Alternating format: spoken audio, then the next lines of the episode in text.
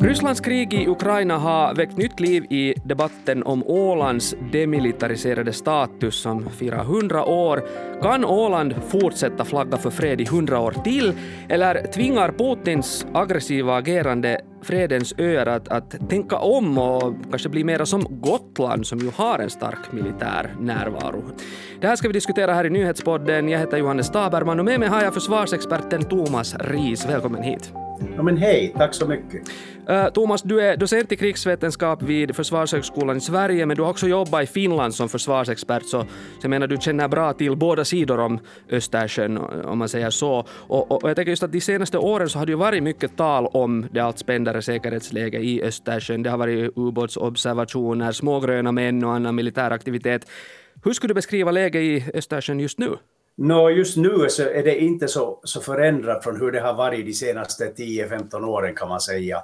Det har varit vissa incidenter under de här sista två årtionden, men i princip är det inte så förändrat nu för att helt enkelt Putin måste koncentrera allt, allt vad han har mot Ukraina. Mm. Det kom ju helt nyligen eh, nyheter i svenska medier. Det var de här ryska stridsplanen som hade kränkt svenskt luftrum och nu diskuterar man om de var bestyckade med kärnvapen. Eh, hur allvarligt ska man se på en sån här sak? No, jo, det, det hör till, till, nästan till normalbilden. Uh, ryssarna markerar när de är missnöjda med något. Att nu när Sverige börjar diskutera NATO så då ville de också lite markera att, att det här gillar de inte. Men det är inte ett militärt hot som sådant, men det är en det är en politisk markering, egentligen en slags psykologisk markering. Men det, det är ingenting nytt, det har det gjort hela tiden. Mm. Just nu är Putins blick mest riktad mot Ukraina eh, och inte så mycket mot Östersjön. Men, men hur länge till? Ja, det beror ju på hur, hur Ukraina-kriget utvecklas och hur han väljer att utveckla den ryska eh, invasionen där. Så som det ser ut nu så, så ser det ut som det kan ta ett tag till. Orsaken till det är att mot alla förväntningarna så har ukrainarna lyckats stoppa den ryska offensiven i norr mot Kiev och de verkar nu som de håller på också att, att sätta gränser för ryssarnas aktiviteter i söder. Så att man har lite fastnat där. Det traditionella med ryssarna är ju att när den första stöten inte fungerar, så var det i vinterkrig mot Finland, då ändrar man taktik och man dubblerar trupperna och skickar in sig som en ångvält, som köttkvarn som bara mal ner fienden, för det finns inte så många. Men i det här tillfället verkar det inte som Putin skulle ha några snabbt tillgängliga reserver. Och då kan det hända att de, de fastnar. Så vad är din bedömning, räcker ens Rysslands militära kapacitet till för att öka närvaron i, i Östersjöregionen? Nej, det är just det, om vi tittar igen på Östersjöregionen, nej, för tillfället det, det räcker inte till. Uh, han, han måste kraftsamla allt ner mot Ukraina. Nu särskilt eftersom hans invasion av Ukraina har gått så fullkomligt dåligt. Mm. En fullkomlig katastrof för ryssarna. Jag tänker just på Östersjön, jag menar det är ett viktigt ändå strategiskt område för Ryssland, också för Finland och Sverige. Det, jag menar det är via Östersjön som sjötransporten eh, går, den här är viktig för alla de här länderna. Ryssland har militärbaser i Kaliningrad, mittemot Gotland, som ju nu Sverige har ökat sin militära närvaro där på grund av det här läget. Så vilken strategiska roll har då Åland för Östersjöregionen? Åland är oerhört viktigt. Um, och det är egentligen Åland och Gotland, det är deras geografiska placering. Och av två skäl. Det ena nämnde du, det, det är sjöfartslederna som går, och särskilt de tre baltiska länderna och Finland är, är väldigt beroende på sjöfartshandel. Och inte bara för ekonomi, men bara för mat, för bränsle, för allt möjligt. Um, I tillfälle av, av en konflikt i Östersjöområdet skulle vi måste säkra sjöförbindelserna genom Östersjön. Det är en väldigt, väldigt viktig uppgift. Och då ligger Åland och Gotland ganska viktigt till just. Men det andra orsaken är att om ryssarna skulle göra något militärt i Östersjöområdet, ponera att det skulle vara mot ett baltiskt land, så det enda som de är riktigt oroade av på kort sikt, det är amerikanska flygvapnet, som har en förmåga att leverera förödande eldkraft från luften, precisionsstyrd, lång, lång räckviddig Eh, eldkraft och väldigt snabbt. Så det är det som de oroar sig mest för på kort sikt. Och för att förhindra det här skulle de måste öka deras luftförsvar över Östersjön. Och det är här som Gotland och Åland blir särskilt viktiga, och kanske Bornholm. Eh, kan ryssarna placera deras luftvärnssystem där, då har de ett mycket tätare luftförsvar över Östersjöområdet för att förhindra att NATO kan, kan stödja de tre baltiska länderna. Så det här gör dem till ett mycket, mycket viktig måltavla mycket tidigt i ett krig. Och öarna är viktiga för att det finns en större chans för Ryssland att hålla dem mot motanfall. Om de skulle försöka ta någon bit av Sverige eller så, då, då kan de förmodligen inte hålla kvar det. Men om man tar en ö så är det lättare om man har sen befäst den att, eh, att hålla den. Då är det ju intressant att fundera liksom att varför förbjöds då liksom militär eh, närvaro på Åland när det är en så strategiskt viktig plats och vi ser att på Gotland har man valt en, en annan väg. Alltså historien för den här eh, demilitariseringen av Åland går ju tillbaka till Krimkriget och när ryskarna, ryssarna höll på att bygga upp Bomarsund fästning och, och då var det Storbritannien och Frankrike som ville säkra deras möjlighet att skicka deras krigsskepp och andra skepp in i Östersjön. Och då i fredsavtalet så gick man in just en klausul att, att Ålandsöarna ska demilitariseras.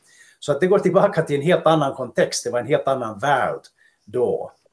Hur tycker du då, med tanke på att världen ser annorlunda ut nu än på mitten av 1800-talet, hur tycker du liksom att demilitariseringen så att säga, är den aktuell fortfarande i rådande världsläge? No, i, i, I världen nu och under kalla kriget så fungerar demilitariseringen som en magnet som drar till sig Rysslands militära uppmärksamhet.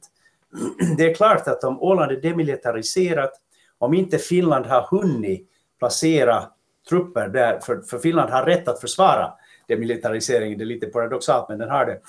Eh, då är det här en magnet som gör att, att i tillfälle av en konflikt eller krig så skulle det bli en kapplöpning mellan Ryssland, Finland och förmodligen Sverige, vem som kan ockupera Åland först. Så att, så att demilitariseringen ökar faran för krigshandlingar runt Åland nu. Hur lätt mål skulle då liksom fredens öar vara för en militär invasion? Mm. Förmodligen ganska svårt, och det är två skäl. Eh, det ena är geografin. Gotland är kanske lite lättare att, att kuppartat ta. Eh, Ålandsöarna, eftersom det är en verklig arkipelag, så är det inte så lätt egentligen att befästa hela området. Men det andra och viktigare är att Finland har haft planer på att, att skicka finländska trupper till Åland i tillfälle av en konflikt väldigt, väldigt snabbt. Och det andra sen är förstås att, att Finland kan ha i fredstid gränsbevakning. Och det finns en mycket liten gränsbevakningsnärvaro på Ålandsöarna under fredstid, men i tillfälle av en konflikt så kunde man förstärka den utan att, att, att kränka demilitariseringsavtalet. Så att jag skulle tro att det, det skulle vara en möjlighet för Finland i ett sånt här gråzonsläge där man inte vill ännu riktigt eskalera. Men som sagt, Finland har haft länge planer på att skicka trupp till Åland för att säkra Ålandsöarna. Och det andra som ingen talar om, men som, som vi måste förmoda, är att svenskarna måste ha haft samma sak. För att Ålandsöarna, de ligger väldigt nära Arlanda och Stockholm. Så om Ryssland placerar trupp dit och missiler dit, då är Sverige riktigt illa ute. Hur sannolikt är det att Ryssland skulle respektera Ålands demilitarisering om det skulle bryta ut ett krig i Östersjön? Det skulle nog uteslutande vara en rent militär kalkyl. Eh, det som vi ser i Ukraina och i övrigt med ryssarna. Eh, när det är krig så spelar avtal ingen roll alls. Eh, inte mänskliga rättigheter, inte krigets lagar, inga avtal, ingenting. Så det skulle vara en rent militär kalkyl. Om de beräknar att de skulle hinna in dit med deras trupper innan någon annan, då skulle de försöka göra det. Om Finland redan hade satt starka styrkor på plats dit, då skulle de förmodligen inte våga göra det, för det skulle bli väldigt, väldigt svårt. Då. Så, så vad vinner vi idag på Ålands demilitarisering? Är det bara liksom en historisk relik som, som på något sätt har tappat sin betydelse, eller hur ska man se på det? Jo, det är en fullkomlig historisk relik som, som inte bara tappar sin betydelse men som faktiskt ökar faran för krig på Ålandsöarna. Och det, det här är ur ett rent militärstrategiskt perspektiv. Sen är det ju det att, att demilitariseringen eh, spelar en viktig roll för Ålands eh, självstyre och identitet och sådär. Det är en mer psykologisk sak. Men i tillfälle att det skulle bli ett, en krigszon, som, eller att, att vi skulle ha ett, ett fara för krig i Norden, då skulle det göra att Åland skulle utsättas för väldigt, väldigt stor fara. Men borde liksom Åland då på något sätt omvärdera sin eh, demilitariserade och neutrala status? Nå, om de vill minska faran för krig så jo. då borde de. Ja. Men jag funderar liksom att den här diskussionen lyfts ju upp med jämna mellanrum, men det känns som väldigt svår att föra för att den är just en hemskt känslig sak för ålänningarna och Ålands identitet. Det känns som att det är väldigt, så att säga, minerad mark. Ja, just det. Den är extremt minerad mark och så att varför lyfta upp det? Särskilt om man har en möjlighet att förstärka och skydda Ålandsöarna, ehm, att man är förberedd på det. Och jag skulle tro nu med det här väldigt, väldigt nära samarbetet mellan Finland och Sverige, militära samarbete, som ju har fokuserat mycket på samarbete mellan svenska amfibieregementet och Nylands brigad som är en, en kustjägarbrigad, och sen också flott, båda flottorna, så skulle jag tro att, att en av sakerna som man har förberett en för, förmåga för både Sverige och Finland att säkra Ålandsöarna i tillfälle av en kris eller ett krig. Jag tycker just att det är intressant här när vi talar om Gotland tidigare och Åland och båda deras liksom väldigt viktiga betydelse, strategiska betydelse för Östersjön. Men, men ändå liksom så har vi Åland där det inte får finnas alls militär närvaro och så har vi å andra sidan Gotland där man redan genast när Putin börjar visa vad han hade för avsikter så börjar stridsvagnarna rulla ut i Visby Tycker du inte att det är konstigt att liksom två öar i samma hav med strategiskt lika stor betydelse väljer så olika vägar? Nå, nu när du säger det så, så, så låter det ju eh, direkt kufiskt. Jag menar, det finns en historia bakom det här. Um, och sen, sen är det ju det att Gotland väljer inte själv. Gotland har inte det här traktaten, någon slags historiskt traktat där. Och det andra är att under kalla kriget så had, var, var Gotland mycket starkt befäst. Det fanns en permanent brigad där som var mycket starkare än vad man har nu. Det fanns starka kustartilleri, det var en stor flotta och så vidare. Så Gotland hade en tradition av att ha um, stark militär närvaro. Och det var också en viktig del ska vi säga, av öns ekonomi och så vidare. Så det är lite annan sak där. Det, det, jag tror inte att det känns så främmande.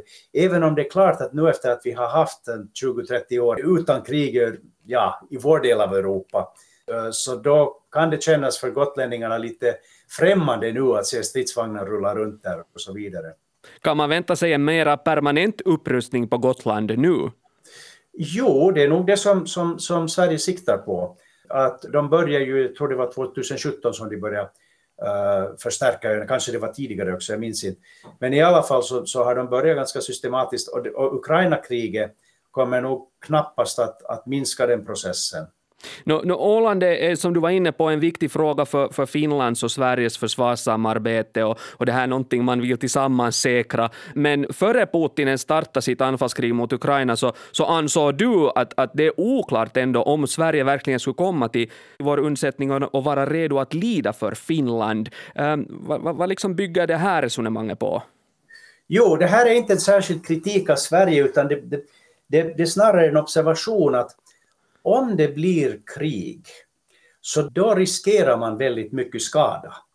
Och om vi skulle ha en situation där Ryssland skulle angripa, men inte skulle angripa Sverige, utan endast skulle angripa Finland eller kanske bara Ålandsöarna, men då skulle hota Sverige med, med, med hårda militära angrepp, alltså främst missilangrepp, om Sverige blandar sig in, då är det osäkert.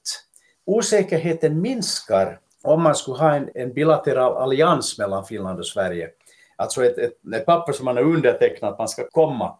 I sista hand är det också ändå bara ett papper, men det förstärker det mycket. Och då skulle jag ha mindre frågetecken. Men när jag säger det här, det är inte en kritik av Sverige, utan det är helt enkelt en observation att när det smäller och om någon hotar en, och i värsta fall med kärnvapen, då är det osäkert faktiskt vad man gör. Känns det lika osäkert fortfarande idag, nu efter att Putin startar sitt krig och Putin utgör ett ännu större hot? Nej, faktiskt lite mindre. Och orsaken är den att det som har skett i Ukraina nu har väckt medvetenheten och förståelsen för hur Putins Ryssland ser ut och hur farliga de är den här påminnelsen behövdes inte i Finland och inte i baltiska länderna, inte i Polen. Där var man hela tiden på alerten och förstod. Men eh, längre västerut så, så fanns inte den här förståelsen. Nu har den politiska ledningen i nästan hela Europa, inklusive Sverige, vaknat upp. Och det betyder att nu kan man börja tänka mycket mer seriöst på vad det innebär faktiskt att försvara sig mot Ryssland, försvara Ålandsöarna, samarbetet och så vidare. Och det är väldigt positivt.